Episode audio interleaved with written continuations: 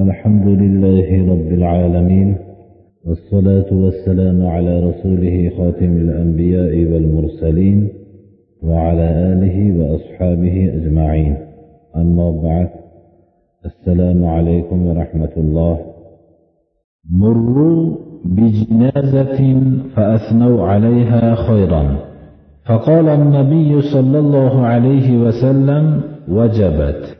ثم مروا بأخرى. فأثنوا عليها شرا. فقال وجبت. فقال عمر بن الخطاب ما وجبت؟ قال هذا أثنيتم عليه خيرا فوجبت له الجنة. وهذا أثنيتم عليه شرا فوجبت له النار. أنتم شهداء الله في الأرض. anas roziyallohu anhu rivoyat qiladilarki ashobi kiromlar payg'ambarimiz sollallohu alayhi vasallam bilan birga turganlarida bir tobutni olib o'tildi. Bularning yonlaridan bir tobut olib o'tildi. Shunda u tobutni haqqiga yaxshilik so'zlarni aytishib maqtashdi. Payg'ambarimiz sollallohu alayhi vasallam vojib bo'ldi deb qo'ydilar. Keyin boshqa bir tobutni olib o'tishdi. Shunda ular bu tobutga yomon so'zlarni aytishdi. Vojib bo'ldi deb qo'ydilar bunga. Ham shunda umar ibn hattob roziyallohu anhu savol qildilarki yo rasululloh nima vojib bo'ldi? Avvalgisiga ham yaxshi so'zlar aytilingan tobutga nisbatan ham vojib bo'ldi dedilar. Yomon so'zni aytgan e, yomon haqqiga yomon so'zlar aytilingan tobut egasini haqqida ham vojib bo'ldi deb shunday dedilar. Nima vojib bo'ldi deganlarida avvalgisiga sizlar yaxshi so'zlar bilan uni haqqiga guvohlik berdinglar unga jannat vojib bo'ldi. Bunisiga bo'lsa yomonligiga guvohlik berdinglar bunga do'zax vojib bo'ldi dedilar. Sizlar yerdagi ollohni guvohlarisizlar. Bu narsadan bizni ko'p birodarlarimiz demak bir mayitni haqida yaxshi gapirishlik uning jannati bo'lishligiga sabab bo'lar ekan. Bu yerda payg'ambarimiz sollallohu alayhi vasallam sizlarning sizlar ollohni yerdagi guvohisizlar degan mazmunni tushunishadilar. Yomon so'zni aytgan odamni haqqiga do'zax vojib bo'ldi degan hadis sharifning mazmunidan demak bir kishini haqida yomon aytilinishlik uning do'zaxi bo'lishligiga sabab bo'ladi degan mazmunni olishadilar. Bu bir tarafdan olganda to'g'ri. Masalaning ikkinchi tarafini biz fikrlashimiz kerak. Sizlar ollohning yerdagi guvohisizlar hushyor bo'linglar birovga guvohlik berishlikda degan mazmun bor.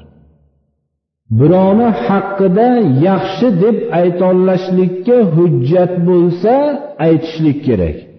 Birovni haqida yomon ekanligiga guvohlik berishlikka hujjatingiz bo'lsa shuni yomon deyolashligingiz kerak. Bundan dinga zarar yetkazib o'lgan odamni haqida ham butun hayoti bo'yicha din bilan kurashib ketgan odamni haqida odamlardan bu odam qanaqa odam edi? desa odamlar odatlanib qolishgan yaxshi odam edi deyishlikka. Bu bilan unga jannat vojib bo'lmaydi birodarlar. Sizlar hushyor bo'linglarki deyaptilar. Ollohning yerdagi guvohi sizlar. Guvohlikni o'ylab beringlar. Masalan biror bir hurmatli kishi meni tarafimdan sen guvohlikka o'tasan desa bu guvoh bo'layotgan odam o'zi qancha mas'uliyatni o'ziga yelkasiga oladiki men hushyor bo'lib sizdan ba'zi narsalarni so'rab olay deb juda ehtiyotkor bo'ladi. Bu hadis sharifda sizlar ollohning guvohisizlar yerdagi deyilyapti. Ana buning uchun bu yerdan masala guvohlik berishlikka nihoyatda ehtiyot bo'lishlik kerakligi. Birovni haqida yaxshi so'zlarni bilmasangiz men u kishini haqida yaxshiligini bilmayman. Bir odamni haqida yomonligini bilmasangiz men bu odamni haqida yomonlik ko'rgan emasman men buni yaxshi yomonligiga guvohlik berolmayman deyishlik kerak. Ana yana masalaning bir tarafi bu hadis sharifdan shu ma'lum bo'lyaptiki bir odam haqiqatda yomon bo'lib o'tgan bo'lsa yomon desa ruxsat borligi ham ma'lum bo'lyapti bu yerda. Bir odam yaxshi bo'lib o'tgan bo'lsa yaxshi deyishlikka hujjat ham ma'lum bo'lyapti. Mana bu mas'uliyatni ashoblar juda his qilishganlar. Bular haqiqiy ollohning yerdagi guvohlari bo'lishganlar. Birovning haqida guvohlik berishlikda juda ehtiyotkor bo'lishganlar. Umar ibn hattobni bomdod namozida hanjar urib shahid qilishdi. Ana bu la'nati umar ibn hattobga hanjar urganda bu nomini ham aytmaylik u hanjar urgan la'natini. Umar ibn hattobdek ulug' zot shu yerda o'zlari qaranglar meni kim o'ldirdi dedilar. Kim urdi menga dedilar. Qaraganlarida bir dinsiz odam hanjar urganligi ma'lum bo'ldi. Aytdilarki alhamdulillah men sabablik bir odam do'zaxga kirishligiga sabab bo'lmabman dedilar. Agar mo'min odam menga hanjar urganda men shu meni sabablik do'zaxga kirishligiga sabab bo'lardim dedilar.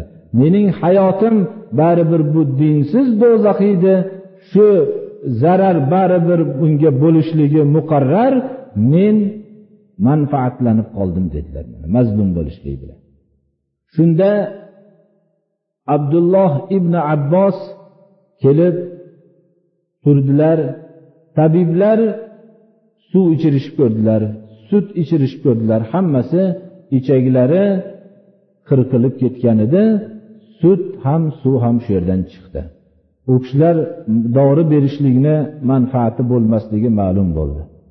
Shunda haqiqat so'zlarini aytib nasihat qildilar. Abdulloh ibn abbos aytdilarki muboraklik bo'lsin umar dedilar. Siz islomda avvalda islomga kirdingiz islomni xizmatida bo'ldingiz rasululloh sollallohu alayhi vasallamni yonlarida turib xizmat qildingiz yonlarida turib u kishi doim sizdan rozi bo'lib o'tib ketdilar. Keyin xalifa qilindingiz xalifa qilinganda adolat qildingiz juda adolat bilan bunday qildingiz unday qildingiz deb yaxshi gapirayotganlarda ey abdulloh ibn abbos dedilar.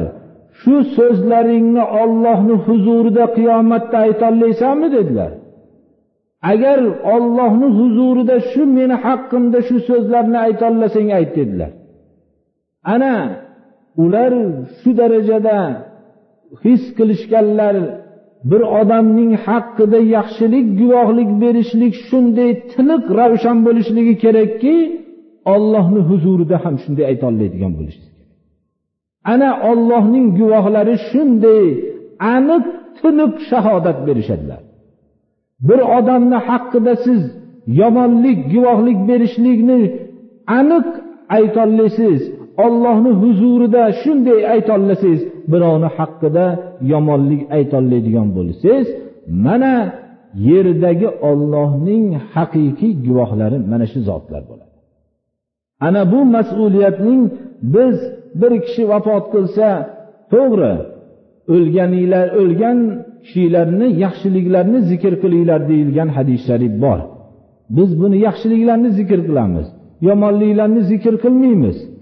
Lekin dinga zarar yetkazgan bo'lsa ham uni osmonga chiqarib maqtab doim shuni din bilan kurashib ahli ilmlarni mana shunday ta'lim berayotgan odamlarni haqorat qilib mana bunday qilayotgan haqiqiy musulmon olim kishilarni bunday haqorat qilayotgan kishilarning haqida yaxshilik guvohlik berishligimiz to'g'ri kelmaydi o'lgandan keyin.